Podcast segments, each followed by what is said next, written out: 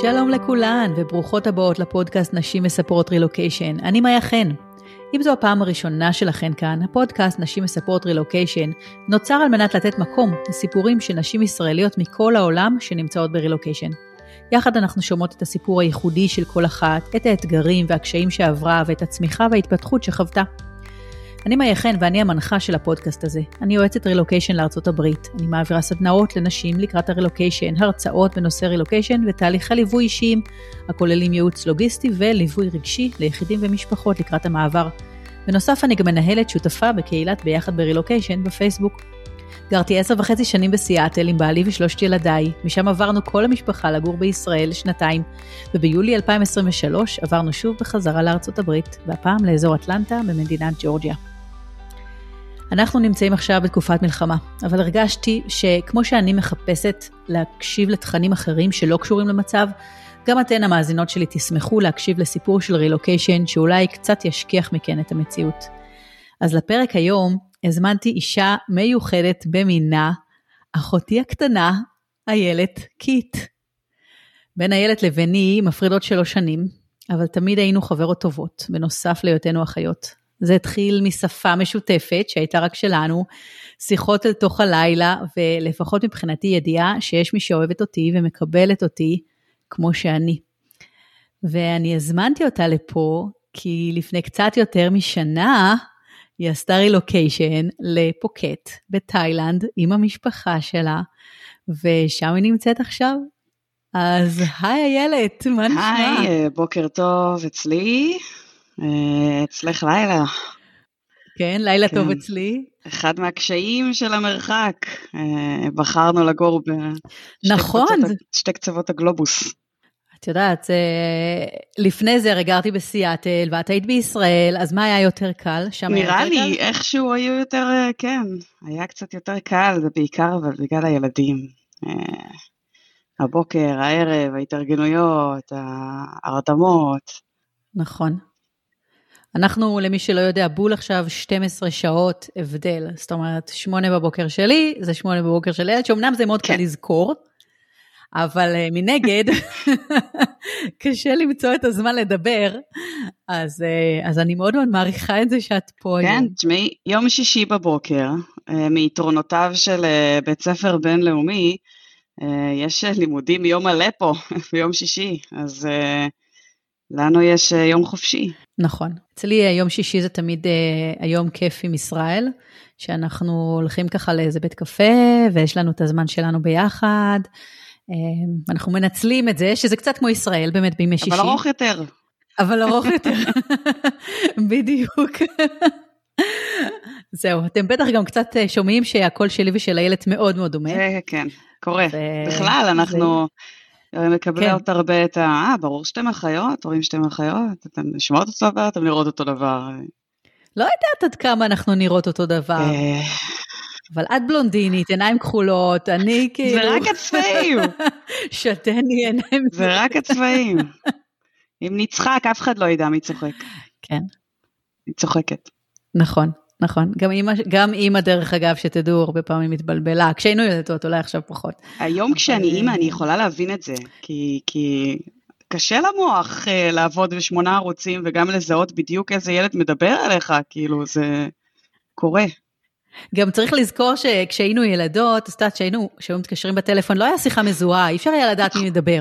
זה היה תמיד, נכון, הכמה דקות הראשונות כזה, ש, שרגע שנייה מי זה, ואת ככה, היי, מה נשמע, לא משנה מי זה, נכון? ורק אחרי איזה 30 שניות כזה, אה, נכון, אוקיי, זה כן, תשמעי, יש לך גם שלוש שנים עליי בטלפונים האלה. אני, כאילו, הזיכרונות שלי מהטלפוני חוגה, או העתיקים עתיקים הם אה, קצת uh, מטושטשים, אני כבר זוכרת את אלה שהיה להם צג קטן קטן כזה שהיה עליו איזה מספר, uh, ואז יכולת לדעת מי זה. אבל בואי נגיד, בתקופה הזאת לא היה שם, היית צריכה לזהות את המספר, היית צריכה ללמוד בעל פה מספרים, נכון. שעד היום הם תקועים לי בתוך המוח ולא יוצאים ואין להם שום שימוש. אבל זה מדהים, הקטע הזה כן. שהיום תשאלי אותי מה המספר טלפון של אפילו שלך, החדש, כי כאילו עזבת את ישראל, חזרת לישראל, יש לך מספר חדש, כן. אין לי כן. מושג, אני אדקלם לך את הישן שלך. אני לא יודע מה החדש שלך. אבל הישן שלי עדיין עובד. מזל. כן. למזלך. נכון, בגלל זה שמרתי אותו, ידעתי שיהיה לי אה? קשה. אז זהו. זה, זה הבעיה שלנו, גם מגיע הגיל שזהו, אנחנו מפסיקים לקלוט יותר מספרים. אלא אם כן צריך... כן. ודברים אחרים, זהו. אפשר לחשוב כמה אנחנו זקנות. טוב, אז ממש... מגיע הגיל. את יודעת, נכון, בשבילי את תמיד תהיה אחותי הקטנה, אבל זה הולך, ו... זה הולך ומתקדם. אז כן. אז באמת ככה, ממש, את יודעת, המון זמן רציתי שנדבר, ורציתי שנקליט פרק, כי אני חושבת שזה אמ, זה מעניין, זה מעניין לשמוע, כי לא בהרבה משפחות יש אה, שני אחים או שתי אחיות שגרות ככה, שיצאו לרילוקיישן ושגרות מחוץ, אה, מחוץ לישראל.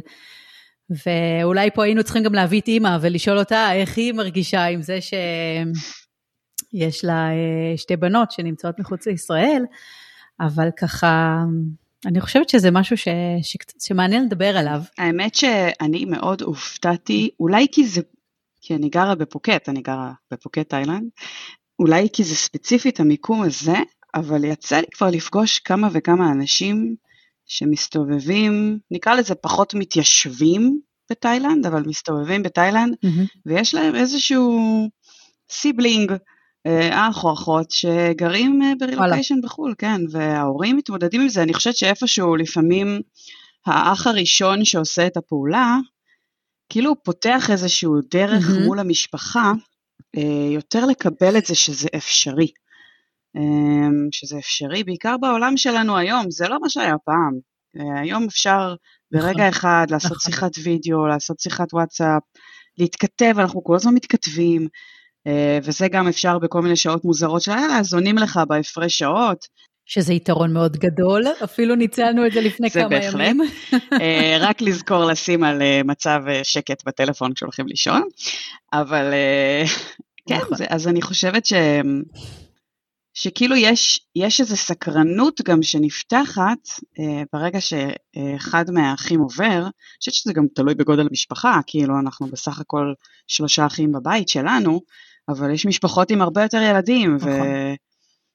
ונקרא לזה, זה לא, זה לא נגיד, לא נכון להגיד עול או נטל, אבל כאילו יש איזשהו, יש איזושהי מחויבות אה, כלפי ההורים, והיא מחויבות מרצון, ולכן זה לא נכון להגיד את המילים האחרות, ושכאילו אתה, אתה באיזשהו גיל, אתה רוצה להיות קרוב להורים שלך, ההורים מזדקנים, ואתה גר רחוק מהם, זה, זה כן. ערימות על ערימות של רגשות אשם, ו... מצד שני, mm-hmm. זה בדיוק הגיל שבו יוצאים לחוות את העולם, והילדים הם בגיל הכי מתאים לזה, אז יש פה כל הזמן את ה... אני חושבת את הדיסוננס הזה של ה... ו, ובגלל זה, בגלל זה כש, כשכאילו ילד אחד יוצא לעולם, ויוצא מהקן. זה גם, זה כאילו גם פחות כן. מקובל אני חושבת בארץ, כי הארץ שלנו כל כך קטנה, שכאילו גם אם תחליטי שאת, גם אם את גרה באילת ותחליטי שאת עוברת לרמת הגולן, תיכנסי לאוטו ותיסעי וזה כמה שעות, ושזה מאוד מקובל במדינות כמו ארה"ב וקנדה, ובארץ שלנו, את אומרת מה, אני אשאר בארץ? אם כבר אני מרחק של ארבע שעות מההורים, אני אטוס ליוון, כאילו, ואז זה מה שקורה, אנשים פשוט טסים מהארץ.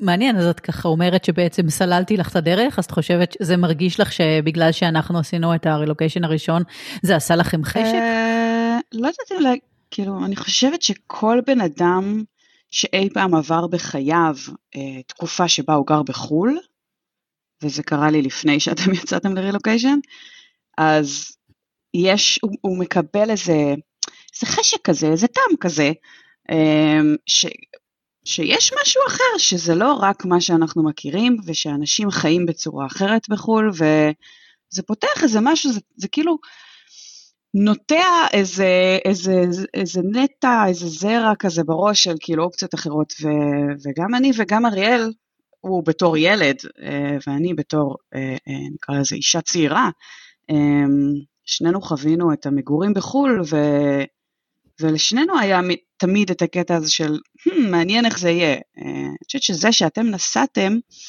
מעבר לזה שזה הביא להמון גלגולים בחיים שלנו מבחינת מעברים למושב וכאלה, אבל כן. אה, כשאתם נסעתם זה, זה היה מין כזה, בוא נראה איך הולך להם, בוא נראה איך המשפחה תגיב. זה. אבל מצד שני, יש פה את הקושי של, אוקיי, אתם כבר שם, אז מה, גם אנחנו נטוס? כאילו, גם, זאת אומרת, זה גם היה את הרובד הזה. נכון. אמ, אני יכולה להגיד לך שכשאתם עזבתם ל- לפוקט, ואנחנו עוד היינו בישראל, ואז התחלנו שוב לחשוב בעצם על מעבר לאטלנטה, אז גם אנחנו בעצם חווינו את זה, את, את, ה, את השאלה הזאת של אה, האם אנחנו באמת יכולים איך לעזוב. ההורים הסתדרו בלעדינו? ואיך ההורים הסתדרו, מה גיא אח שלנו יחשוב, שהוא נשאר עכשיו אה, לשמור על כן, ה... על הגחלת.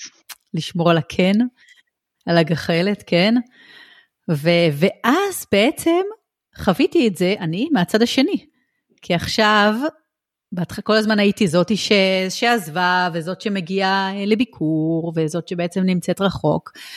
ואז אה, פתאום אה, אתם הודעתם שאתם עוזבים, ועזבתם. וואו, חצופים. גם הודיעו וגם ו- עזבו. כן, חצופים מאוד. ו- ואז הייתי מהצד השני. הייתי האחות ש... שנשארה בישראל, ועכשיו היא מתגעגעת לאחותה. את יודעת, זה לא היה קל. אז אני אשאל אותך משהו אחר. אם היית עדיין, אם לא היית עוברת לארץ, אם עדיין היית בארצות הברית, ואז הייתי מודיעה שאני נוסעת, נוסעת לרילוקיישן לתאילנד, זה היה יותר קל? אני חושבת שכן. בגלל שכשגרנו בארצות הברית, אז זה כל הזמן היה כזה, תוך ש... כל שנה וחצי, שנתיים מגיעים, ואז יכולתי, תאורטית, לא להיות שנתיים בישראל, ואת באותם שנתיים לא, נמצ... יודעת, לא נמצאת ב... אה, בישראל גם, אז זה בערך אותו דבר, זה, זה פחות במחשבה.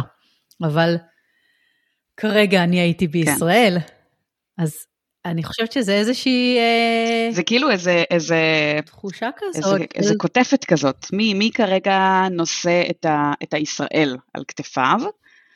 הנציג המקומי. כרגע זה כן. האח שלנו גיא.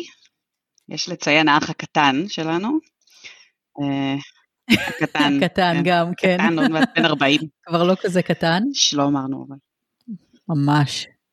לא גילינו. כן, בדיוק. אבל את זוכרת איך זה היה כשאני, כשאני נסעתי? כי אז היית, טוב, נו, זה היה כבר 12 שנה, אבל את זוכרת את זה? זאת אומרת, אם זה אני היה... זה היה קשה, זה היה שוק, זה היה... כולנו מאוד התרגשנו. זה היה, זה היה, כאילו מצד אחד זה היה שוק, כי כאילו, וואו, זה באמת קורה. מצד שני, אתם דיברתם על זה המון לפני. וזה לא שזה באמת נחת עלינו כרעם ביום בהיר, כאילו, הנה כרטיסי טיסה נוסעים. זאת אומרת, היה הרבה דיבור ו- והרבה התלבטויות, ואני, מה שכן, אני כאילו לא זכרתי שלפני שבעצם פגשת את ישראל, לא זכרתי שאי פעם את אמרת, יש לי איזה חלום לגור בחו"ל. זאת אומרת, כן, אני חושבת אולי טוב, כי זה לא היה נכון. החלום שלי, זה היה השאלה, החלום שלו. אבל אה, כי, כי אני חושבת שזה כן. גם קשור לזה שאנחנו גדלנו בבית מאוד מאוד ציוני, וכאילו דור, כן. דורות, סבא שלנו שנולד בארץ, כאילו זה היה בית כזה מאוד מחובר למדינה. ואני כילדה, לא, לא עלתה לי בכלל מחשבה, כילדה, לא עלתה לי מחשבה בראש שזה כאילו בכלל הגיוני לגור במקום אחר, כי זה היה המדינה שלי וה, והבית שלי. אני חושבת שהילדים של היום, כשהם גדלים, ואני לא מדברת ספציפית על הילדים שלנו, הילדים של היום כשהם גדלים בישראל, הם גדלים הרבה יותר פתוחים להרבה מאוד דברים והרבה מאוד חוויות. נכון. אה, אז כן, גם ההתקדמות הזאת קשורה. זה אפילו מזכיר לי שכשאת נסעת, כשאת נסעת ל- לחצי שנה, כמה זה היה? חצי שנה, שלושה חודשים באיטליה? חמישה וקצת, כן. אני חושבת שזה, ש... שאמרתי לעצמי, יואו, איזה אמיצה היא, ואני אני בכלל לא מסוגלת לחשוב על זה, לנסוע ולגור ככה במדינה אחרת, ועם שפה אחרת, ואיך את עושה את זה. כן. ואת יודעת, זה בכלל לא היה ב... בלקסיקון שלי, או במחשבה שלי בכלל, לעשות את זה. אני לא מגדירה את זה כרילוקיישן אגב, זה. היה חילופי סטודנט, יש לציין, כן, זה היה חילופי סטודנטים במסגרת הלימודים שלי. אה, בשנה השלישית נסעתי ללמוד במילאנו, אה, בפוליטקניקו, ו... זאת אומרת, זה, זה היה סמסטר אה, במילאנו, שטיפה התארך, כי כאילו זה נכנס לתוך החופשת קיץ, שזו הייתה חוויה מדהימה, שכאילו, אני לא, פי עשרים ממה שיכולתי לצפות מבחינתי, כולל גם קטעים קשים שהיו שם, אבל באמת, זה, אני חושבת שזה מאוד פתח בי משהו, זה מאוד שינה בי משהו, וגם איפשהו גרם לי לסמוך על עצמי, כאילו שאני מסוגלת לעשות דברים, שאני יכולה להיות לבד, שאני יכולה להכיר אנשים שהם הם כן. חברים שלי עד היום. בואנה, את קלטת שרפאלה באה לבקר אותי בפוקט? בחורה שאני, כן, ממש, וואו, שאני זה מדהים. הכרתי במילאנו, לפני אני לא אגיד כמה, אבל יותר מעשר שנים. ו...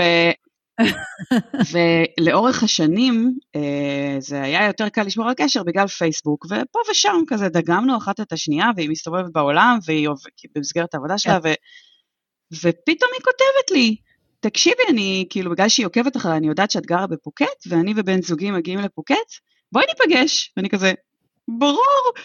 ותקשיבי, אירחנו אותם פה אצלנו. איזה כיף. ואז בוקר אחרי זה גם נסעתי איתה לארוחת בוקר. וזה כאילו לא עברו כל השנים האלה, זה לשבת עם בן אדם שהיה לך חיבור מעולה איתו במשך כמה חודשים, ואז שנים לא דיברנו, שנים, כאילו, ופתאום טראח, יושבים, מדברים, קשקשים, נננה כן. וזה. זה, זה קטע מטורף ש, שאני חושבת שמי שלא עשה רילוקיישן בחייו, לא מבין. כי אני יודעת שהיום, ובפוקט יש הרבה באים והולכים, ואני יודעת, ולא רק ישראלים, זאת אומרת, mm-hmm. בכלל, בקהילה הבינלאומית שיושבת פה, ואני כן, יודעת נכון. שהיום יש לנו זוג חברים שהיו בשנה שעברה פה, והיו חברים מאוד טובים שלנו, והם קנדים, והם חזרו לקנדה, וברור לי שאם אנחנו מגיעים לבקר בקנדה, או אם נצליח לשכנע אותם באיזשהו שלב, כשיהיה בטוח בארץ לבוא לבקר בישראל, זה יהיה כאילו לא נפרדנו, כי, כי יש אנשים שהם, שיש לך איזה קליק איתם ואתה לא יכול להסביר את זה, וזה נשמע. נכון. וזה אני חושבת שזה גם בגלל שברילוקיישן החברים הם המשפחה נכון. שלך. אז ברגע שיש את הקליק הזה, את יודעת, את כל הזמן איתם, והם האנשים שאת פונה אליהם בשעת אה, צרה כרגע שאת צריכה נכון. עזרה. ו... וזה הדדי, זאת אומרת, הם גם יודעים, ו... כן? ונוצר, כן. הם יודעים שאת תהיי שם בשביל, בשבילהם, ו... ולהפך, ו... לצערנו הרבה פעמים זה גם בא לידי ביטוי, כי, כי באמת, כמו שאת אומרת, זה המשפחה, וזה אחד מהדברים שעד שלא הגעתי לכאן לא הבנתי שאז את סיפרת, שאם יש איזה ילד חולה, זה לא שאפשר להגיד ל... לאימא, כן, לסבתא, בואי תשמרי, אימא. בואי תשמרי רגע על האחרים, כי אני צריכה לקחת כן. אותו לאנשהו. אין את זה, אין, זה את ובעלך, ו... אם יתמזל מזלכם, נכון. יש לכם איזה שכנים נחמדים, במקרה שלנו לא, כי לצערנו השכונה שלנו היא קצת כזאת, אבל יש פה מספיק קהילה אחרת שאני ברגע אחד יודעת שאני יכולה להיעזר בהם והם יעזרו. וכן, ואני חושבת שזה, בגלל זה הרבה כן. פעמים אני שומעת גם אותך ו, וגם אני, אנחנו חופרות על זה הרבה, שקהילה זה אחד מהדברים הכי חשובים ברילוקיישן. גם אם זה נכון. המינימום של בן אדם אחד או שניים, שאת יודעת שאת צריכה ש, ש, שיש לך אותם, אם צריך. כי להגיע ולהיות נכון. לבד איפשהו, מעבר לזה שזה קשה, זה בודד, זה קשה ממש ברמות אחרות, זה, זה מסוכן, זה ממש מסוכן. נכון. אה, בעיניי לפחות. נכון. לא פעם סיפרתי את הסיפור של, אה, את יודעת, של אורי ש, שקיבל מכה בגן שעשועים, ואז אחד מהחברים הוא זה שסיע אותי, כי הייתי לבד, והוא זה שסיע אותי לבית חולים, כי אני הייתי בשוק מוחלט, ואת יודעת, זה כאילו, חייבים, חייבים את האנשים, את האנשים סביבנו. וגם עכשיו, זה לא קל, זה לא קל ליצור את זה, לא בטח קל. אה, בגיל לא יותר לא מאוחר. אבל גם עכשיו, את יודעת מה, אני ארבעה חודשים פה, אני לא מכירה המון אנשים, אבל אני כן הכרתי מספיק שאני יודעת שאם אני צריכה משהו, אני יכולה להרים טלפון ו... אמ, ויעזרו לי, וגם לצד השני, זאת אומרת, אם מישהו צריך את העזרה שלי, אני אבוא ואני אעזור, כי אנחנו, אני חושבת שאני באמת כל כך מבינה את הצורך הזה, שבמשפחה הזאת כן. סביבי, כן. המשפחה הזאת שהיא כאן, ואנשים ש... שיהיו סביבי. אה, אבל זה לא משנה את זה שאני צריכה גם אחות. כן, האמת שמשפחה זה משהו, זה משהו שאני כל הזמן מנסה גם להסביר לילדים. שמשפחה זה משהו אחר. כאילו, כבודם במקומם מונח של חברים ובסטיז וכל הדברים האלה, שחלק מהם הם כבר משפחה, כן? תלוי בין, בגיל שלך, אבל כן. המשפחה, האחים, הם אחד כלפי השני משהו שאף אחד אחר לא יכול להיות. זה, זה קשר, נכון. זה אהבה, זה דאגה, ש, שכאילו, שאי אפשר להבין אותה, מי שאין לו את זה, וכאילו, אני חושבת שאולי הכי הכי קרוב לזה, שזה קצת הזוי ב... פשוט כי אנחנו ישראלים, זה החברים לצבא, כי שם גם יש איזושהי אחווה שהיא mm. בלתי ניתנת להסברה, והסמוך הזה הוא מאוד מאוד חזק.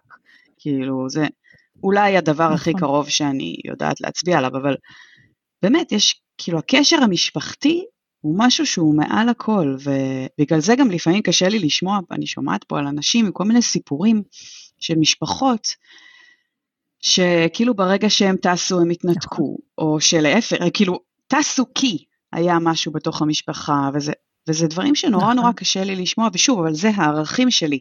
אחד מהערכים החשובים לי זה ערכים של משפחתיות. כן. אני חושבת שעשר שנים שאני הייתי ב... את יודעת, בסיאטל, הראו לנו איך אנחנו אה, משפחה, משפחה חזקה, וזה לא היה קל, כאילו אני יכולה להגיד לך באמת מהצד, אה, מהצד שלי, זה לא קל לשמור כן. על קשר, זה לא קל, אה, היום אולי יותר קל, כי היום יש את הוואטסאפ, כן. והווידאו וכל הדברים האלה, תוך שנייה שולחת תמונות, וזה באמת הרבה יותר קל. אבל אז זה לא היה, זה הסקייפ, נכון, נכון? וזה היה לעלות לפייסבוק תמונות, וזה דרש כן. הרבה, הרבה השקעה, אבל זה, אני, אני מסכימה איתך ש, שאין פה כן. משפחה. אין פה משפחה, ו... אבל מצד שני אני רוצה להדגיש, ואולי זה משהו שהיה צריך לשאול את אימא, אבל את יודעת, זה כאילו אין כמו משפחה, ואני לא רוצה לבוא ולהגיד שאנשים יגידו, טוב, אין כמו משפחה, אז אני לא עוזבת, אז לא לעזוב, אז תמיד להיות אחד ליד השני, כי... כי כל אחד, אני כן מרגישה שצריך לעשות את מה שטוב לו כרגע, לסיטואציה שהוא נמצא בה עכשיו. זה תמיד הכי נכון. טוב לו, למשפחה שלו. ואני חושבת שההורים שלנו מאוד מבינים את זה, והם תמיד תמכו בנו, גם אם זה קשה, וזה לא אומר שזה לא קשה, זה מאוד קשה. אם אני חושבת על זה שיום אחד הילדים שלי יעשו לי את זה, סביר להניח, אה, זה קשה, אבל מצד שני הם מבינים והם כל הזמן אומרים שהם רוצים שנהיה כן. מאושרות, ושיהיה לנו טוב. נכון. תשמעי, יש, יש עכשיו את ה... זה כאילו יש עכשיו שתי גרסאות. יש את הגרסה של ישראלים, כן? יש את הגרסה שאומרת, איזה מזל שאתם גרות בחו"ל, ואיזה מזל שאתם לא פה עכשיו, ואיזה מזל, וזה וזה. ואני חושבת שאיפשהו יש את הגרסה השנייה של הישראלים שגרים בחו"ל, ש, שמרגישים הר של רגשות אשמה על זה שהם כרגע לא גרים בארץ. חבל. ו, ואנחנו כל הזמן מריצים בראש שלנו מה היינו יכולים לעשות, ומה זה, ואיך היינו עוזרים, ואת יודעת, אני, אני לא אגיד לך שלא, אני לא חושבת שיש ישראלי שגר בחו"ל שלא עברה לו לרגע, אלא אם כן יש לו איזה, כאילו, כל מיני בעיות אחרות, אבל לא עברה לו לרגע המחשבה בראש, אני עולה על טיסה ובא. כי אני אעזור, כי אני יכול, כי אני אתנדב, נכון. כי אני זה, זה משהו שהוא... כי אני רוצה לראות מה ההורים שלי, כן, מה עם האחים שלי. כן, אני צריך לדאוג, ו... אני צריך, אני במשפחה, אני, אני יכול לתרום, אני יכול... את כאילו איפשהו מרגישה כבולה, כי יש לך חיים פה, ולילדים שלך יש חיים, ואת רוצה להגן על הילדים שלך גם, הילדים שלנו ספציפית, כמעט נכון. ולא יודעים מה קורה בארץ, וזה הכל מתוך הגנה. וכשאני שואלת חברות שלי בארץ, mm-hmm. מה הילדים שלהם יודעים על מה שקורה, אז הקטנים הם איכשהו מצליחים לשמור אותם מרוחקים מהדברים האלה, אבל הגדולים יודעים, ואני מדברת על גדולים, אני מדברת על בני 11-12, זה קשה לי כל כן. כך לחשוב על זה שילדים בני 11-12 יודעים מה זה להיחטף לארץ זרה. איך את מתווכת דבר כזה לילד? זה נראה לי מטורף. ו, ואיפשהו אני, אני שמחה שהילדים שלי לא בתוך זה, שאני לא צריכה להכניס אותם לתוך זה, ואז את יודעת, ואז מגיעות לך המחשבות הכי הזויות האלה של כאילו, כן. אבל, אבל איך הם אחר כך יחזרו לארץ ויגידו להם, יודעת, זה כמו אחרי רצח רבין, להבדיל, אבל האמת שזה נכון. רצח רבין היה תמיד את השאלה הזאת של איפה אתה היית כשהדבר הזה קרה, ו, וכאילו, מה הם יגידו, הייתי כן. בפוקט? נכון. כאילו, לא ידעתי בכלל שהדבר כן. הזה קרה, אף אחד לא סיפר לי. עזבי, גם אנחנו. אז כאילו... כן, וגם אנחנו, איפה זה קרה? כן. אני הייתי במסיבת יום הולדת נכון. של, ה, של חברה לבית ספר, חברה לגן של הקטן שלי. איזה כיף, כאילו... כן. ברור, מיליון איסורי מצפון על זה שאנחנו אה, לא נמצאות, ועוד ששתינו נכון. לא נמצאות, ושההורים שלנו נמצאים, נכון, שגיא נמצא שם, אבל שעדיין כן. אה, ו... אנחנו לא שם. שבעניין הזה באמת יש לנו גם הרבה מזל, שאנחנו מגיעים ממרכז הארץ, וזה טפו טפו, כן? אבל אה, אזור שהוא פחות, פחות אה, באזור סיכון, נקרא לזה. זה לא גבול הצפון ולא הרצוע, כאילו לא העוטף ולא זה, אז כאילו... נכון. בעניין הזה אנחנו איפשהו אולי מרגישות קצת יותר uh, טוב עם זה שהם כרגע בארץ, אבל uh, אין ספק שה... היה לי כמה ימים הראשונים אחרי שהמלחמה פרצה, בגלל ההפרשי שעות, כן? הייתי הולכת לישון עם איזשהו עדכון מסוים של מה שקורה בארץ, וקמה בבוקר ופותחת טלפון, וכאילו מה שהכי הפחיד אותי זה שאני אגלה שאין יותר מדינה. נכון. שבזמן שאני ישנתי, כן. משהו קרה, איזה אסון קטסטרופלי, ואני לא ידעתי מזה. כאילו, אין מדינה יותר, זהו. ו... נכון. זה ככה היה לי כשהכול התחיל. כי אנחנו אצלנו, זה היה בדיוק נכון. אה, הלילה, והכל התחיל בשש וחצי בבוקר, ואת יודעת, את שומעת עוד ועוד ועוד דברים, ואת אומרת, אני לא יכולה ללכת לישון, כאילו, אני אקום ל... נכון, נכון. למה? אנחנו? הרגשנו, אנחנו הפוך, בגלל שאנחנו מקדימים אז אצלנו היה שעת צהריים, וכאילו היינו כבר בהתארגנויות לצאת למסיבת יום הולדת, ופתאום יש לנו רדיו כזה שרץ כאילו על אה, שירים, אה, זה היה שבת, אז שירים אה, ישראלים כזה ברקע, כשזה אמצע הלילה בארץ או מוקדם בבוקר, אז גם אין פרסמות, זה מאוד נחמד, ופתאום צבע אדום, צבע אדום, ופתאום, וברצף, כאילו, וואו. ו, ו, והגדולה שלי שואלת אותי, אמא, מה זה, מה קרה לרדיו? והדבר הראשון שעשיתי היה ללכת לכבות את זה. כי זה, mm-hmm. זה כאילו, משהו קורה. ואז אני ו- ואריאל, בעלי, שנינו בטלפון, ומבינים שמשהו קורה, mm-hmm. ואני זוכרת שראינו את הסרטון הזה של המחבלים על הטנדר הלבן, ושנינו מסתכלים אחד על השני, ואנחנו אומרים, אוקיי, זה לא הולך למקום טוב, מה עושים עכשיו? ממשיכים בחיים, נתקעים בבית, עכשיו, הילדים כבר כאילו לבושים, מאורגנים, זה כזה מסיבת בריכה. מן הסתם, כן, תאילנד. אה, ואמרנו, טוב, נוסעים. וזה היה הדבר הכי קשה, אני חושבת, שעשיתי פה, להיות שם. ובאמת, המזל הכי גדול שלי, כן. זה שזה פשוט חבורה נפלאה של אנשים, נפלאה, שהם מגיעים מכל העולם. אה, כולם פשוט נתנו לנו חיבוק ונתנו לנו את הספייס, והיינו ממש מחוברים שם לטלפון, ואני נכנסתי כמה פעמים כן. לבכות בשירותים שם, והיה מאוד לא פשוט, ובכל הזמן הזה הילדים נהנים להם, הם לא באמת יודעים ולא אמרנו להם כלום. והמבוגרים כן. כמובן יודעים, כי גם הם מחוברים כולם, גם מחו"ל, כאילו באים ושואלים אותנו מה קורה, ואם המשפחה שלנו בסדר, וכמובן שזה אנחנו מתקשרים. ואני חושבת שהיינו אפופים לגמרי באותו יום, וזה המשיך כאילו תקופה די משמעותית אחרי. זה הקטע הכי הזוי פה. את יודעת, הפער הזה בין מה שיש בחוץ והמציאות שאנשים אחרים חווים, לבין המציאות שאנחנו, הישראלים, נכון. חווים היום. וכאילו, אי אפשר להסביר את זה אפילו החוצה, עד שאתה לא חווה את זה, שאתה אתה קורא איזה חדשות והלב שלך נשבר, ומהצד השני מישהו כאילו אומר לך, אה, לווין, הפי הלווין, או היה. או. כן, או מה שזה לא יהיה, וכאילו... זה נכון. או אני רואה שלדים נכון. בחוץ, אנשים שמים לי שלדים על ה... על ה לא, הטרנד הגדול של הטרנד הגדול של הלואוין הזה היה תביעות אה, דם את כאילו כמו מדבקות כאלה של תביעות דם ש, שכאילו אנשים תלו, oh כאילו טריגר מאץ', כאילו זה, זה היה באמת ההלואוין הכי קשה שחוויתי בחיי. Uh, מאוד, כאילו בוא נגיד, אני חושבת שבעניין הזה יש לנו מזל שאנחנו גרים לא במדינה נוצרית או כאילו לא במדינה מערבית, כי כאילו מה שמצחיק אצל התאילנדים זה שהם נורא נורא שמחים, הם היה מאוד שמח. והם נורא נורא שמחים לאמץ חגים של אחרים.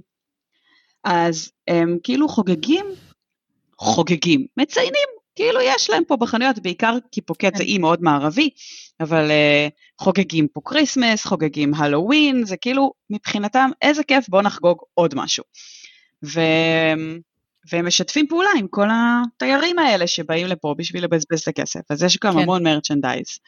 ושמצד אחד, שנה שעברה זה היה מגניב לאללה, כי כמובן אנחנו באנו ללא החגים האלה, חשופים אליהם כאילו נכון. דרך טלוויזיה וסרטים וכאלה, אז הילדים היו פתאום כזה, יואו אמא, בוא נקשט עץ, בוא אה, זה, ונתחפש, למה לא להתחפש פעמיים בשנה אם אפשר, כאילו, יש גם הלואוין, יש גם פורים. נכון, ברור. אה, אז כאילו זה היה איזה מין חגיגה כזאת נורא נורא גדולה, והשנה, זה איפשהו אבל נתן לי גם את האפשרות השנה להוריד קצת את העצימות של הדבר הזה, כי אני, גם איפשהו אמרנו להם, תקשיבו, יותר הגדולות שלנו הבינו, אבל אה, אמרנו להם, תקשיבו חבר'ה, יש מלחמה בארץ, כאילו זה קצת קשה לנו כל השמחה והחגיגה וההילולה הזאת, אז אנחנו נעשה, ותתחפשו כן. ובכיף, אבל אנחנו פחות. כאילו, זה לא בגללכם. Mm-hmm. וכן, בשנה כן. שעברה באמת נורא שמחנו והתחפשנו וחגגנו ו... ו... ועשינו כאילו באמת הכל מתוך המון המון שמחה איתם, ושנה אנחנו הולכים איתם ואנחנו כל שנייה מתעדכנים בטלפון ומה קורה, ו... ובאמת מי שלא, ואת רואה את ההבדל, כי מישהו לא ישראלי, הוא מאה אחוז שם, ואנחנו בחמישים ומשהו ימים האחרונים, אנחנו לא מאה אחוז שם, פה, איפה שלא נהיה. אנחנו כן. כולנו ויש עוד אנשים שבאו עכשיו, שהם באו עכשיו לתאילנד, לפוקט, ובעצם במצב של אה, לעזוב את ישראל, אז אה, ככה, יצא לך להכיר ככה אנשים? הם מצליחים בכלל כן, uh, האמת ש... לצאת מהמצב הזה? יצא לנו, מה שקרה זה באמת ב... מיד אחרי שפרצה המלחמה, התחילו המון המון פניות בקבוצות וואטסאפ, בקבוצות פייסבוק, אנחנו רוצים uh, לצאת מהארץ, אנחנו רוצים uh, זה, אנחנו צריכים, חלק ממש אמרו את המילה לברוח, הרוב לא אמרו את זה, uh, אנחנו צריכים שינוי, אנחנו צריכים זה, mm-hmm. אנחנו לא רוצים שהילדים יהיו פה, והיה איזה גל הגירה כזה, שאנחנו קוראים לו... לפוקט? אני בפוקט, אז אני יודעת מה יש בפוקט, אבל כן, אני okay. יודעת אוקיי. שלהרבה מאוד מקומות אחרים בתאילנד גם, המון בקופנגן. יש לציין שבקופנגן יש קהילה ישראלית משמעותית מאוד, זאת אומרת, יש אפילו שקוראים לאי הזה האי ישראלי. אמ, כן, אה, שהישראלים מאוד מאוד לא אוהבים את זה, וזה גם מפחיד אותם באיזשהו מקום, אבל כן, יש שם קהילה ישראלית מאוד מאוד גדולה, וגם בקוסמוי, אולי לא, גם בקוסמוי, בערך, קוסמוי ופוקט בערך אותו דבר מבחינת קהילה ישראלית, יש קהילה, היא לא ענקית, אה, יש קהילה ישראלית בצ'אנג מאי, יש כל מיני, אמ, כשאני אומרת קהילה ישראלית, אני מתכוונת למקומיים שגרים שם, אה, וכמובן שיש תיירות. Okay. אוקיי. ומה שקרה כן. זה שמיד אחרי המלחמה נוצר מין, נוצרה מין קבוצת ביניים כזאת, שהיא אנשים שהגיעו לתאילנד ללא מועד חזרה, ולא ברור להם מה הם רוצים לעשות. עכשיו, יש, okay. כאילו, אוקיי. מה שצריך להבין זה שאי אפשר להיות בתאילנד ללא ויזה. ולוויזה יש טווח, אה, יש לה אורך חיים. כשאתה מגיע לתוך תאילנד כן. בלי הכנה מראש של ויזה של טווח ארוך, אתה מגיע ל-30 יום. ואתה יכול לחדש לעוד 30 יום. כן, 아, זהו? זה הכל כרגע. אה, זה היה יותר פעם, קיצצו את זה, יש כל מיני, דרכון ישראלי, דרכון ישראלי, 30 יום, חותמת בכניסה. אה, ואם אתה רוצה להאריך, אתה יכול לגשת פה לאימיגריישן ולהאריך בעוד 30 יום. זאת אומרת, המקסימום שאת יכולה להיות פה בלי לצאת ולהיכנס מהמדינה, ויש כל מיני משחקים, הדברים האלה, זה 60 יום. עכשיו, כשאנשים הגיעו לפה, okay. אוקיי. ומן הסתם לא הגיעו עם הכנה מוקדמת של איזושהי ויזה שאפשר להוציא דרך שגרירות תאילנד בארץ, אה, הם הגיעו ל-30 יום. וזה לא משהו שאפשר לקרוא לו טווח ארוך. אה, מצד נכון. שני, הם הגיעו בלי שהם יודעים עד מתי, כי, כי מלחמה, לך תדעי מתי זה ייגמר, אז הם לא יודעים מתי זה ייגמר, ואז מה שקרה... וזה כבר נכון. 50 ו... ואז מה שקרה זה שיש לך הרבה מאוד כן. אנשים שהם במין לימבו כזה, שהם לא יודעים מה לעשות, הם מגיעים בלי שהם עשו מחקר מוקדם, הם מגיעים בלי שהם רוצים לטרטר את הילדים שלהם, גם הרבה אנשים מגיעים לשלושים יום האלה בתאילנד, והם מסתובבים, והם מטיילים, והם לפה ולשם, והם הזמינו טיסות, והם הזמינו, mm-hmm. אנשים הגיעו לפה בלי מושג. בלי מושג מה יש, מה אין, איפה ישנים, אה, ממש כן. קלולס, ומה שאנחנו, כשראינו שהתופעה הזאת צריכה להתגבר, אה, פתחנו פה קבוצת וואטסאפ נוספת לאנשים כאלו, שהם אה, באופן אה, זמני פה בפוקט, ממש כן. מתוך רצון לקלוט אותם, לעזור להם, כי הם גם מגיעים עם ילדים שלא לא הכינו אותם מראש לזה שהם עוברים לגור במדינה אחרת, כן. בואי נדבר על זה, והם, והם הם לא באמת יכולים לבוא ללמוד פה, כי פעם היה פה קטע כזה שכן, היה אפשר לבוא ולהיכנס לבית ספר הבינלאומי ויאללה בבאללה כזה, והיום לא, כי הבתי ספר הבינלאומיים מפוצצים ורובם mm-hmm. גם לא מסכימים לזה. אה, גנים יותר קל, בתי ספר לא. ואז את מגיעה, גם אין לך מסגרת, הילדים מחפשים, הם לא יודעים אנגלית, לא כמו ילדים ברילוקיישן, והם מחפשים, הם מחפשים נכון. עוד ילדים אחרים, הם מחפשים קהילה, מחפשים מי להיפגש, עם מי לדבר. אז ניסינו לייצר איזושהי קהילה כזאת, ועבדנו בזה, וקצת עשינו מפגשים, וארגנו כל מיני דברים. אה, ובאמת, כמה שיותר תשובות לשאלות, גם אם חוזרות על עצמם, ובאמת, להיות, להיות פה בשביל האנשים האלה, כי, כי את יודעת, את אומרת, המינימום שאני יכולה לעשות, זה באמת לעזור לאנשים כאן נכון. עם הידע שיש לי. אה, וכמובן, נפגשנו עם חלק מהאנשים והילדים, ו... תחשבי כמה צוברים, דרך אגב, בשנה. את רק שנה שם, וכבר את מדהים. אומרת כמה ידע אני, יש לי. אני שנה, ו... יש לי חברה שאחרי שנה פה, עברה לאתונה, חודש בערך היא הייתה שם, עד שהמלחמה פרצה. אחרי חודש באתונה, היא התחילה לעזור לישראלים ש, שכאילו יצאו לאתונה. ואני אומרת לה, אבל, אבל איך את, מה את יודעת? וואו. כאילו, את רק חודש שם, כי אנחנו יודעות שתינו מה זה להיות רק חודש במקום. יש לה פור של חודש. והיא אומרת, כן, אבל בסדר, מה, המעט שאני יכולה לעשות, המעט, ה, לשלוח להם טלפון של איזה סוכן, איזה מתווך, שיעזור להם למצוא דירה, להגיד להם איזה נכון. שכונה נחשבת יותר טוב, להגיד להם איפה הקהילה הישראלית נמצאת, משהו. זה, זה המדהים ב, בישראלים, אני חושבת, בחו"ל בכלל, ועכשיו במלחמה עוד יותר. אני רואה את זה גם פה באטלנטה, כמה אנשים נכון. עוזרים ומתגייסים, ו, ויש פה פרויקט שמביא משפחות, כמה משפחות מישראל, וקולט אותם, וזה באמת כל כך מחמם את הלב. זה מאוד באמת. יוצא דופן. הידיעה שיש לך. זה מאוד מאוד יוצא כן. דופן. אני חושבת ש...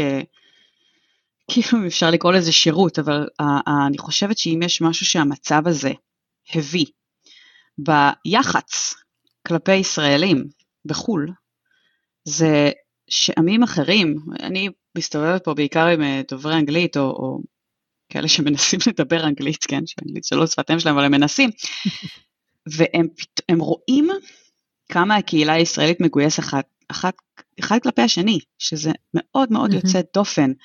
ו, ואם אני אחזור רגע לחברים הקנדים שהיו לנו פה שנה שעברה, והם ראו את זה בלי מלחמה, הם, הם היו כאילו, כן. וואו, כאילו, איפה שאנחנו לא הולכים פה, אתם פוגשים איזה מישהו שאומר לכם שלום, אתם זה, מה, כאילו, מה, את באמת מכירה פה את כל הישראלים נכון. באי? ואני אומרת להם, לא, לא, נכון. אבל, כאילו, גם הילדים שלי. אבל יש לא, קבוצת אפילו, וואטסאפ, ואם אני צריכה, אני יכולה כן, להכיר. לצורך העניין, כן. ו, אבל אפילו, יש איזושהי אחווה ישראלית מאוד מאוד בסיסית, שמגיעה כנראה מהיותנו עם רדוף, שאת שומעת עברית mm-hmm. ואת מסתובבת, ו- ואם צריך אפילו באותו רגע, את תגישי עזרה. את תגידי מילה, נכון. את תחייכי, את תגידי שלום, איזה מגניב, שלום, מה נשמע, מה ממש. אתם פה זה, אתם פה, כאילו, תתפתח שיחה. וזה משהו שלא קנדים ולא דרום אפריקאים ולא יפנים או סינים או רוסים לא מבינים את זה. זה מאוד מאוד ייחודי לישראלים, ואני חושבת שבעניין הזה אנחנו מרשימים אותם מאוד. אני לא יודעת אם הם לא מסתכלים עלינו קצת כמו כן. משוגעים בקטע הזה, כי כאילו, את יודעת, איך את יודעת שהבן אדם הזה הוא לא איזה מופרע ואת מתחילה לדבר איתו, אבל אני לא יודעת, אבל אני כאילו, יש לי איזשהו סמוך ישראלי כזה, שיש לי איזה רדאר שאני יודעת לזהות, כאילו, כן. מי באמת בן אדם שאני יכולה לדבר איתו. נכון. אפילו הילדים שלי, אגב, מופתעים מזה לפעמים, שכאילו, מה, אמא, את מכירה אותה? לא. הרגע פגשתי אותה. גם לי אומרים, מה, כל הזמן, כן. את הולכת ומדברת פה עם אנשים, והם לא אוהבים ללכת איתי למקומות. כן, ואני כזה, לא, אז איך, למה את מדברת איתה? כזה, לא יודעת, כי היא נראית לי נחמדה ויש לה ילדים נחמדים, אז התחלנו לדבר.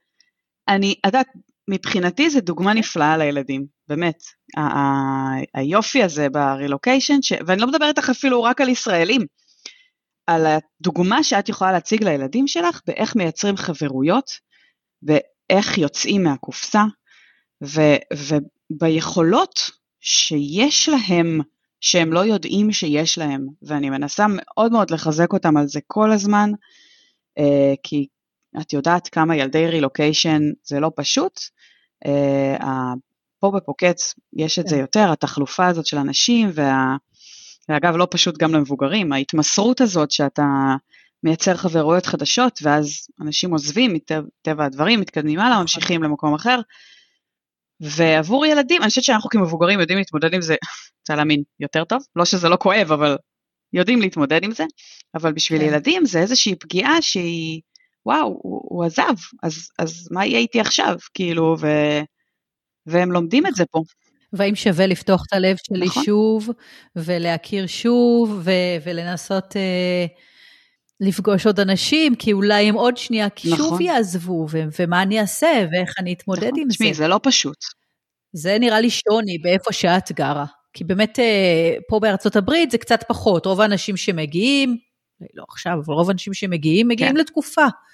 לפחות כזה שלוש שנים, אבל באמת תאילנד היא בתחושה מקום לתקופ... ל... ל... לחוויה קצרה אה, יותר. כן, כאילו, יש פה גם, העניין הוא שיש פה הפרדה מאוד, עם כל כמה שפוקט קטנה, יש פה הפרדה מאוד גדולה בין התיירות הישראלית לבין הקהילה שחיה פה, אה, כי פשוט הקהילה חיה באזורים שהם פחות מתוירים.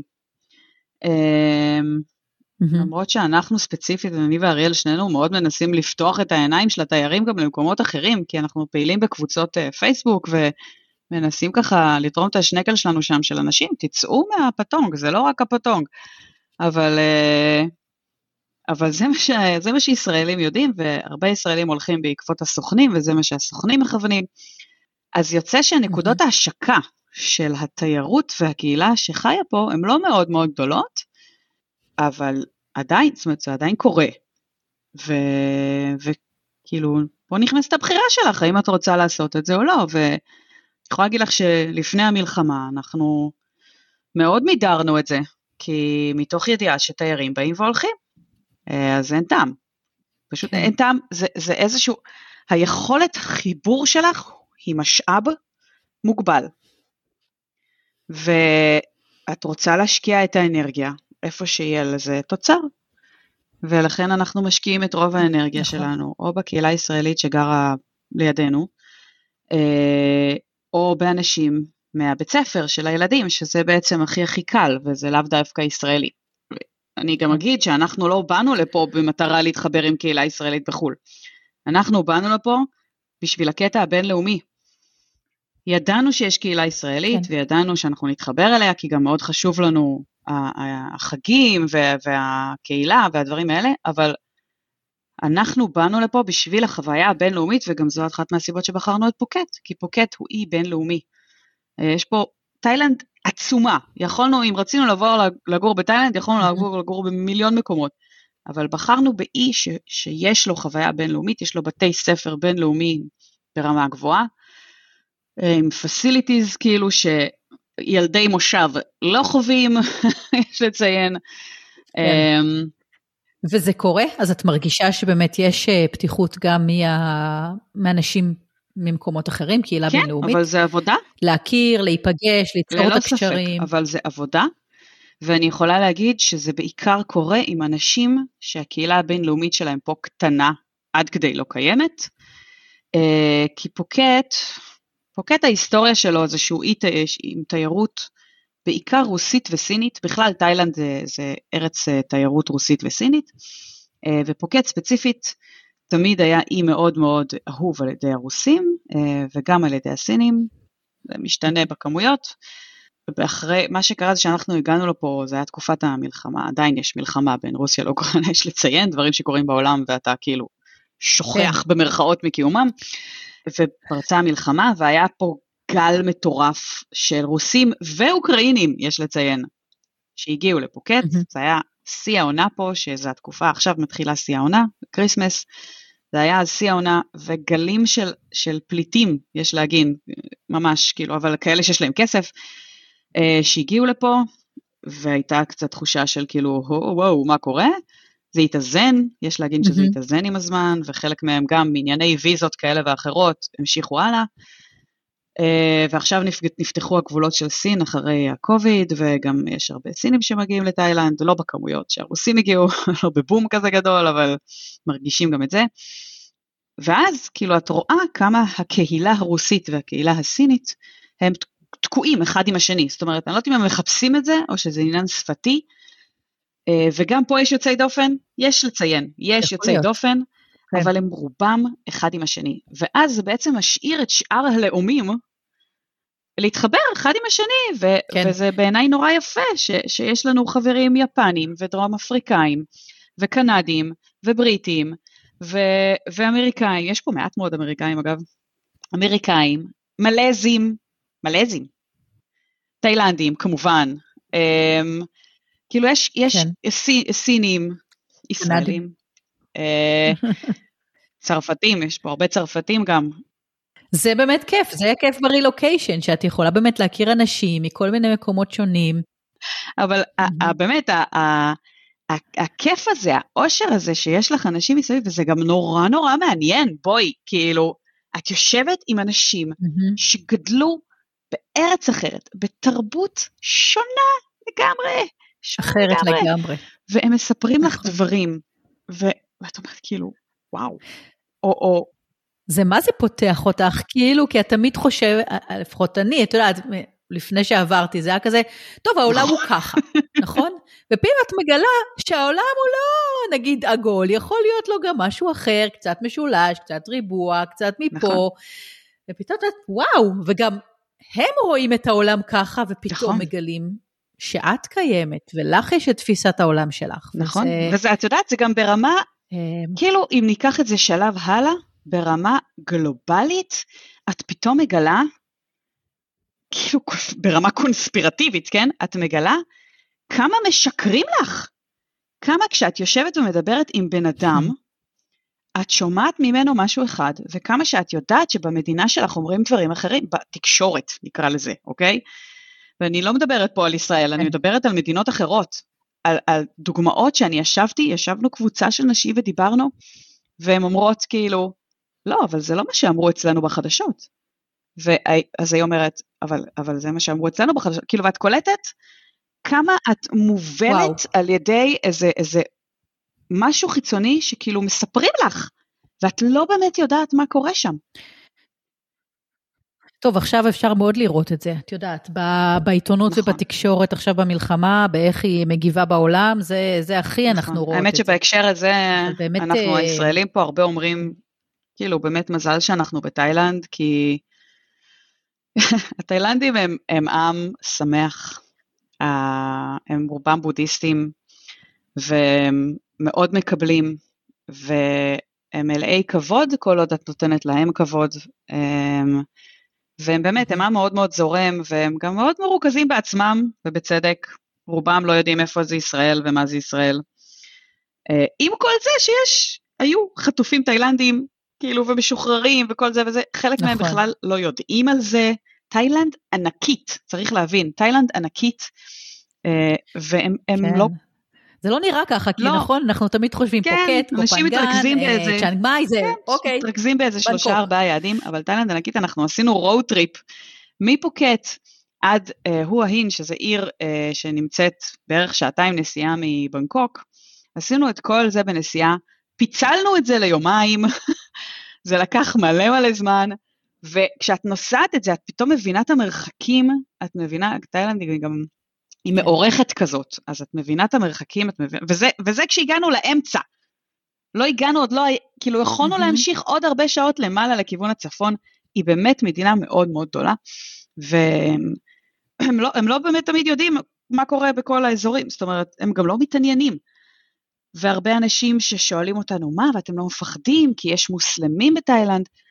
יש, יש, יש מוסלמים תאילנדים, mm-hmm. uh, כי המדינה שנמצאת פה בשכנות לתאילנד מדרום היא מלזיה, שהיא מדינה מוסלמית ברובה, יש שם גם סינים וכל כן. מיני אחרים, אבל היא מדינה מוסלמית, מין שלטון מוסלמי, והיא אוהדת חמאס, ועם כל זה, כאילו, מה שנוצר לאורך uh, הרבה מאוד שנים זה שאנשים מלזים הגיעו לתוך תאילנד, התערו פה, נולדו פה, נהיו תאילנדים, אז כן, יש פה uh, uh, תאילנדים, אני אגיד, תאילנדים מוסלמים, הם תאילנדים מוסלמים, הם מדברים תאילנדית, הם לא יודעים מה זה ישראל, תגידי להם אני מישראל, הם יחייכו ויגידו לך, אה, אוקיי, אין להם מושג.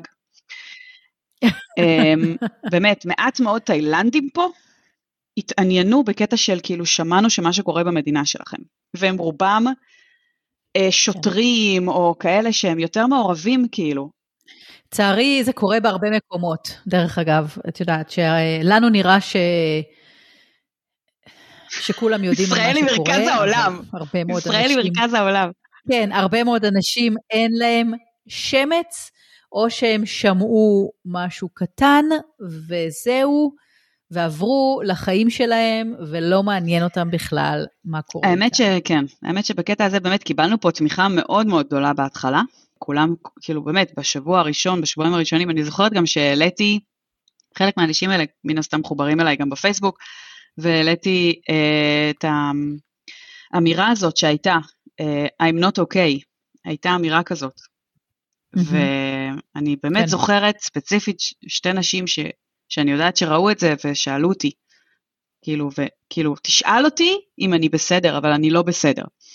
והם באמת היו, כל הזמן כן. שאלו אותי, ומה קורה, ומה עם המשפחה, ואם כולם בסדר, ו, ובאמת, אנשים מאוד מאוד התעניינו.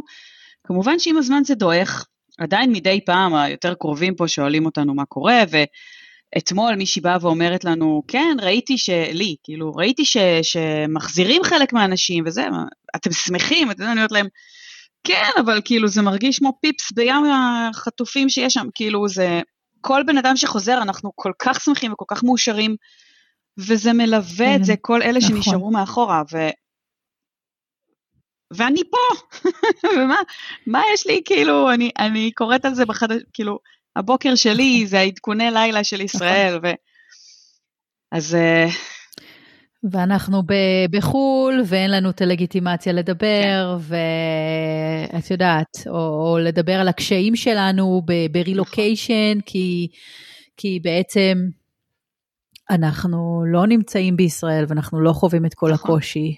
ו... אנחנו מדברים על זה גם הרבה. זה מאוד לא פשוט. את יודעת, אני רוצה, אני רוצה להגיד לך שעצם זה שאת עכשיו ברילוקיישן עבורי, זה משהו שכשאמרת שאת עוברת לרילוקיישן, חיכיתי לו, כי אמרתי... עכשיו היא תדע. אמ, עכשיו היא תבין אותי, כן. עכשיו היא תבין אותי, כי, כי שוב, את יודעת, כמו שאת אומרת, יש דברים שאת יכולה להגיד, אני מבינה, ואת לא באמת מבינה עד שאת לא נכון. חווה אותם. ו, ואני חושבת שבאמת אחד, כאילו, אומנם אני עצובה שלא ראיתי אותך כבר מלא מלא זמן, אבל, אבל אני שמחה שאני חושבת ש... שהקשר שלנו עוד כן. יותר התחזק עכשיו ככה בגלל הרילוקיישן הזה. ורציתי לשאול אותך כזה, אנחנו ממש מתקרבות לסוף. כמו שאת יודעת שאנחנו יכולות לדבר שעות. אפשר לעשות את זה בהמשכים, סדרה, בלי בעיה סדרת בכלל. אה, שיחת החיות. כן. אז ככה מעניין אותי איזשהו, אם יש איזשהו שינוי שאת מרגישה שח, שחל בך, ככה בשנה וקצת האחרונות, מאז שעזבת. אה, כן, אני כאילו, קודם כל, אני חושבת שמבחינה חברתית, גיליתי בעצמי יכולות שאני לא אגיד לא היו שם, אני, אני לא ידעתי שהם שם. אמ, אני חושבת שתסכימי איתי עם זה שילדי מושב שגדלים בתוך חממה, כן. הם יצורים חברתיים קצת אחרים. יצורים חברתיים קצת אחרים. כן. יש לנו מגבלות מסוימות, ו... ומהצד השני יש לנו הרבה יתרונות בדברים האלה. וכשאני זוכרת שכאילו גם דיברתי על זה עם הרבה עם, עם אריאל, ואחד מהדברים שבחרנו בגללם לעשות רילוקיישן זה התחושה שהילדים גדלים בתוך חממה ומבחינה חברתית, שזה מדהים. זה מדהים כי, כי האנשים האלה שאתה גדל איתם מגיל אפס, מסיימים איתך תיכון. ויש כן. בזה באמת משהו מדהים. מי שמצליח לשמר קשרים כאלה לאורך שנים, זה, זה מטורף. נכון. מצד שני, יש בזה גם הרבה מאוד מצד שני, מגבלות. בדיוק. ואחת מהמגבלות העיקריות זה שאתה לא באמת צריך לטרוח חברתית. כאילו, יש לך חיי חברה מוגשים לך, הנה. וברגע כן. שאתה יוצא מזה ואתה יוצא לרילוקיישן, אתה פתאום מבין את המאמץ שאתה צריך להקדיש לדבר הזה. וזה full time job, וזה אחת מהסיבות שאני לא עובדת פה. עזבי ויזות ואישורי עבודה וכל מיני כאלה, אבל זה full time job, כי זה אנחנו והילדים. זה ממש. וזה לדאוג לכולם כל הזמן נכון. לחברים, והסעות, ו- ומפגשים, ו- ולייצר יש מאין. ואת באמת, את פתאום מגלה, קודם כל כמה זה חשוב לך כבן אדם, שיהיה mm-hmm. לך את הדברים האלה, וכמה כמה זה קשה, כל כך כל כך קשה לשמור על קשר עם אנשים שנשארו בארץ, ושזה גם עבודה. נכון. מאוד מאוד קשה, כי זה באיזשהו שלב הופך להיות, בוא נדבר על זה בכנות, חד צדדי. חד צדדי. כן, אז מזל שיש לך כן. אחות שמתקשרת אלייך. אל תגלי, אל תגלי את כל הסודות. כן, אבל זה לא, אני גם מתקשרת אלייך, לא יפה. אבל, אמ, לא, אבל, אבל אה, באמת, אני, אני שנים נכון. כאילו, שנים גם, גם אריאל וגם אתם וגם כאילו חברים אחרים היו אומרים לי שאני לא איזה יצור חברתי, מי יודע מה. ותשאלי פה, אנשים שהיו פה שנה שעברה, או אנשים שמכירים אותי היום, ואת תגידי להם את הדבר הזה, הם יסתכלו ויגידו לך, את בטוחה שאת מדברת על אותה איילת? כאילו, זה לא נשמע הגיוני. כי, כי אני עושה, ואני יוזמת, ואני נפגשת, ואני מחפשת כן. את החברה, ואני זה, ו... וזה באמת, זה פתח בי, ברמה החברתית אני חושבת שזה מאוד מאוד פתח בי משהו. אה, גם ברמת הביטחון השפתי שלי, שתמיד הייתה לי שפה אנגלית טובה, אבל וואלה, אני מדברת פה אנגלית כאילו ברמה הרבה יותר גבוהה מכל מה שהיה לי כל החיים. תלוי עם מי את מדברת כמובן, כי כשאת מדברת עם נכון. התאילנדים, את ברצפה של הרצפה, כי הם לא מבינים את, ה, את, ה, כן. את האנגלית המורכבת. את כאילו בגלה, את חוזרת כאילו לאנגלית של ילדה בכיתה ג', כאילו זה באמת, זה ברמה הזו. Mm-hmm. וזה שני הדברים העיקריים, ואני חושבת, אה, ואם אפשר להוסיף עוד משהו, זה סבלנות לילדים שלך, כאילו באמת, כשאת, לא, לא נעים להגיד, אבל כאילו, יש, יש, יש נשים... את עכשיו איתם, כן. אין ברירה, אין סבתא. עכשיו, יש נשים שהם ב home schooling פה, כן? שהן מלמדות את הילדים שלהם, ואני מעריצה אותם, באמת, שטיח אדום, אני מעריצה אותם, הם, זה, את לא מבינה כמה זה קשה עד שאת לא צריכה לעשות את זה בעצמך. בעיקר בהתחלה, עוד לפני שיש לך את החברה ובאמת את המערכת תמיכה וזה וזה, ואתם כל הזמן ביחד, או נגיד כשנוסעים לטיול ארוך, אנחנו פה במזרח, אז החלטנו שאנחנו עושים טיולים ועשינו שלושה שבועות, שלושה שבועות בווייטנאם, ואחרי שנה שאת כל הזמן בחברה, פתאום את עוד פעם שלושה שבועות עם הילדים שלך בזה, ואת אומרת, אוקיי, כן, הנה הילדים האהובים שלי, אני מתה עליכם, תחזרו לבית ספר. שלא ישמעו את זה כן. אחר כך, אבל לא, באמת. זה בסדר, זה יפה שלושה שבועות, אצלי פה אחרי חמישה ימים הם אומרים לי ביי. שלך כבר teenagers, כאילו, אצלי יש עוד כאלה שאת צריכה להיות דוגמה, ואת צריכה להיות כאילו, לשחק איתם. אמ, אבל כן, לא, הם באמת, הילדים, אני חושבת שעם ההפתעה הכי גדולה שלי פה, עזבי אני, הילדים שלי כאילו, באמת, אני חושבת שהם... אני חושבת שהם הוכיחו את עצמם פי עשרים ממה שציפיתי, כאילו, וזה נפלא, זה מתנה נפלאה, וכל מי שחושב נכון. או שוקל רילוקיישן, זה מתנה נפלאה לילדים, באמת. כל עוד אתם עושים את זה כמו שצריך, שזה מתחיל מלהכין את הילדים, להכין, לא להפתיע אותם בזה, אה, מחר עוברים, איזה כיף, לא. וזה מה שקרה פה לה, להרבה כן. אנשים. עכשיו, שהם ברגע ארזו את הפקלאות ונסעו, והילדים לא היו כן. עורכים. לזה, וגם רובם לא נשארים, כאילו, הם חוזרים. או אפילו יש כן. כאלה ש... יש כאלה שאהבו, הם באו לפה, באו לתקופה קצרה, אהבו, חוזרים עכשיו הביתה, אורזים, מפרקים את החיים, את הציוד, מתכוננים. יתכוננו, יירשמו כן. ויבואו ויחזרו, שבעניין הזה זה נהדר, אבל חייבים כן. את זה. אי אפשר לבוא לפה ללא הכנה, אי אפשר לצאת לרילוקיישן בלי הכנה. אמ, ואני חושבת שאפילו ברמה השפתית, להכין את הילדים עם אנגלית, אנחנו ניסינו לעשות את זה, כי כשיש לך זמן לזה, את יכולה להיערך לזה, והם מגיעים עם ביטחון עצמי, כשיש להם שפה. במקרה שלנו זה אנגלית, תלוי לאיזה ארץ. עוברים, כן? ו, ואני חושבת באמת, הילדים מאוד מאוד הפתיעו אותנו לטובה.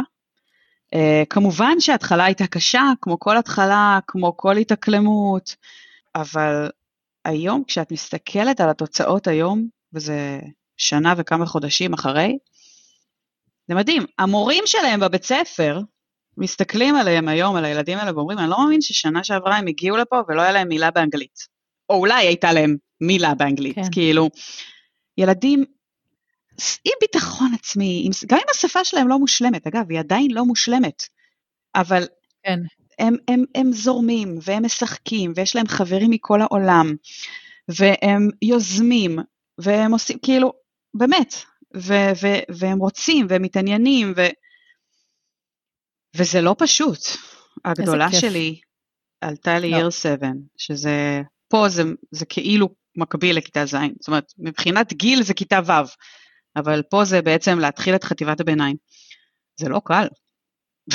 לא ברמה החברתית, ברמה הלימודית, זה לא פשוט, ואני חושבת על ילדים שמגיעים ברילוקיישן ישירות לתוך הדבר הזה, לא קל, וחייבים לזכור שזה זה באמת, זה, זה כל כך הרבה רבדים של חדש, שהמון המון סבלנות נכון. והכלה, המון, לעצמכם, לילדים, לסביבה, מלא, כאילו, ובאמת, לבוא...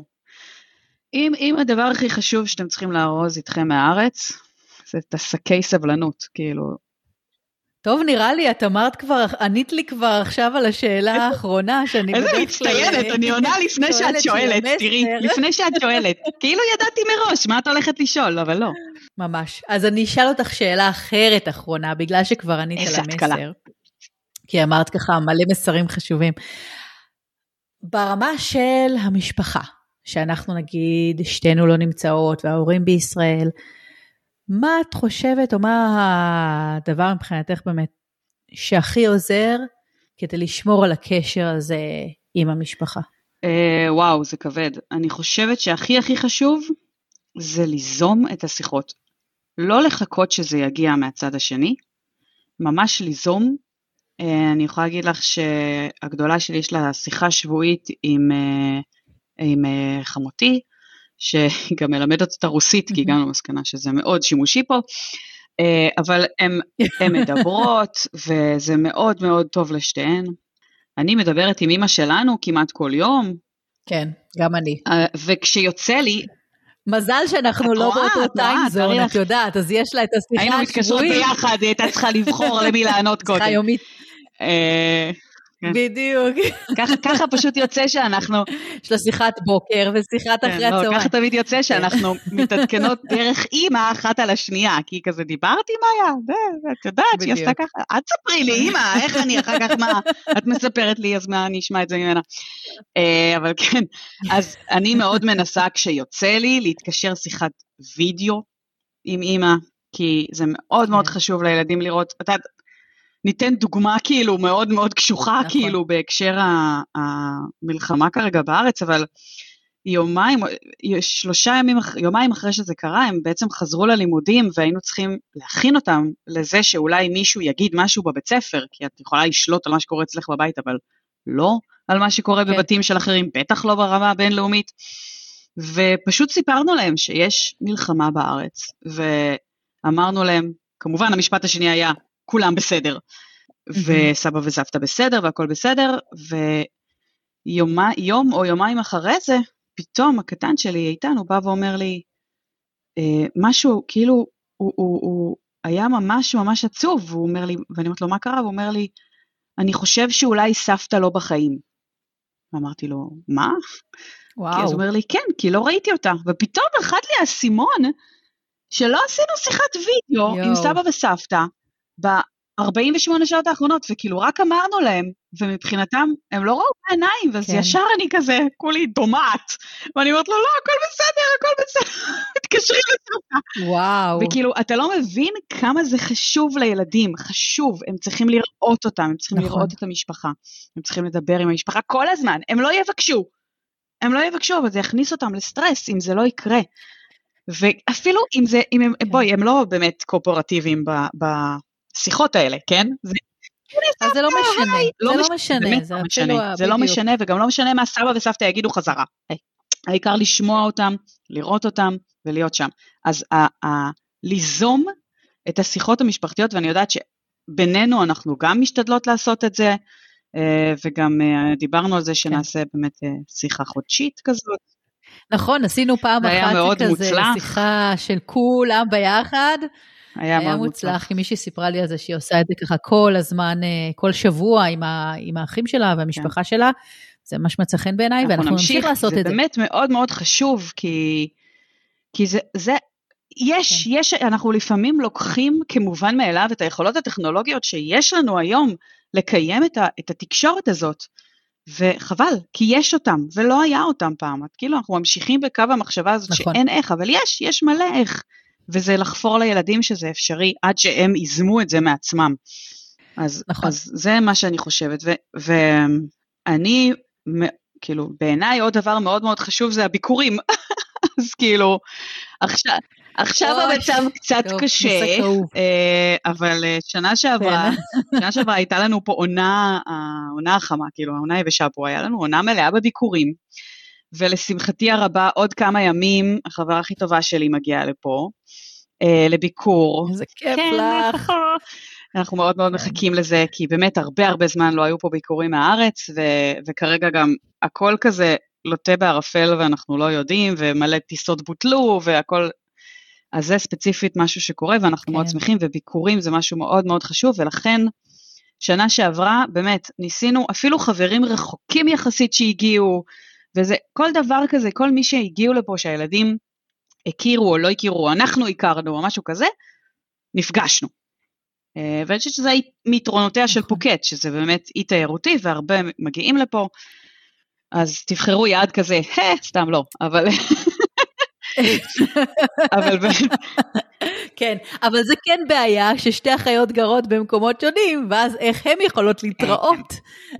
זה גם נורא תלוי בטווח, כן, אבל זה תלוי גם בטווח הרילוקיישן, אני אגיד, כי באמת הרילוקיישן שלנו הוא לטווח מוגבל, נכון. ולכן אנחנו מאוד, כאילו, אוטוטו כאילו זה ייגמר, ואנחנו נחזור לארץ, וכשיוצא...